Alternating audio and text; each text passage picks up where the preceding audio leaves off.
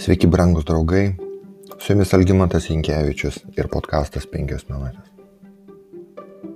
Pranašas Samuelis buvo Izraelio teisėjas ir nuodugniai vykdė savo pareigas. Kiekvienais metais jis apeidavo Betelį, Gilgalą ir Mitspą, ten teisdavo, o po to grįždavo į savo namus Ramoje ir ten žmonės ateidavo pas jį spręsti įvairiausių problemų. 1 Samuelio 7 skyrius. Pirmas Samuelio 8 skyrius nuo pirmos eilutės toliau sako, kad savo žiloje senatvė Samuelis Izraelio teisėjais paskyrė savo sūnus. Jo pirmagimio sūnaus vardas buvo Joelis, o antrojo sūnaus vardas Abijas. Jėdu buvo teisėjai Ber Šeboje. Sūnus neėjo jo keliais, bet palinko į godumą. Imdami kyšius, jie iškraipydavo teisingumą. Toks Samuelio sūnų, kuriuos jis pats paskyrė savo padėjėjais elgesys, tapo priežastimi susibūrimų Izraelio vyresniųjų iniciatyvinės grupės, kuriemi reikalauti pakeisti valstybės struktūrą, valstybės valdymą.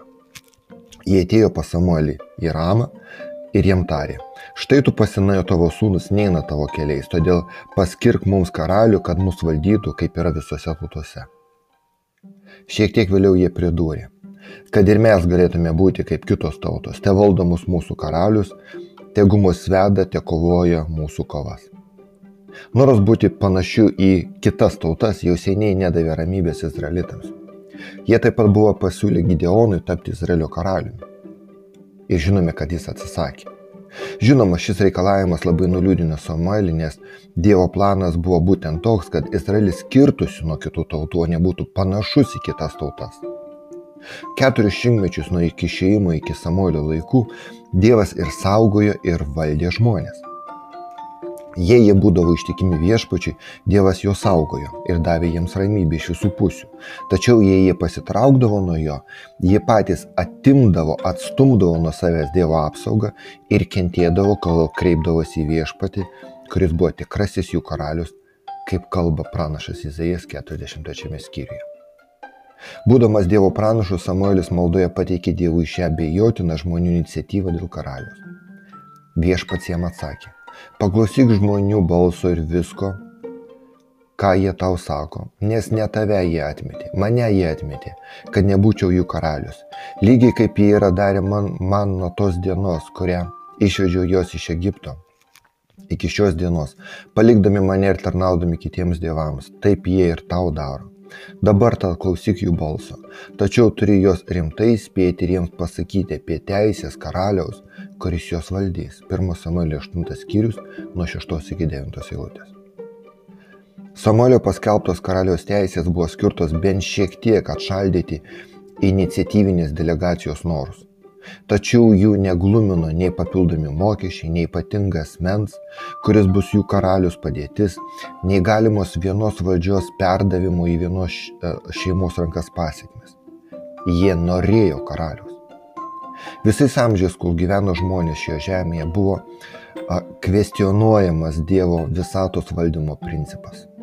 Iš vis principai. Be to, ne tik žmonės, bet ir polengelai laikydami save išmintingais, abejojo Dievo valdymo patikimumu ir teisingumu. Tiesą sakant, jie laikosi savo subjektyvių suprat, supratimo geriausio kelio, kol neatsiduria aklavitėje.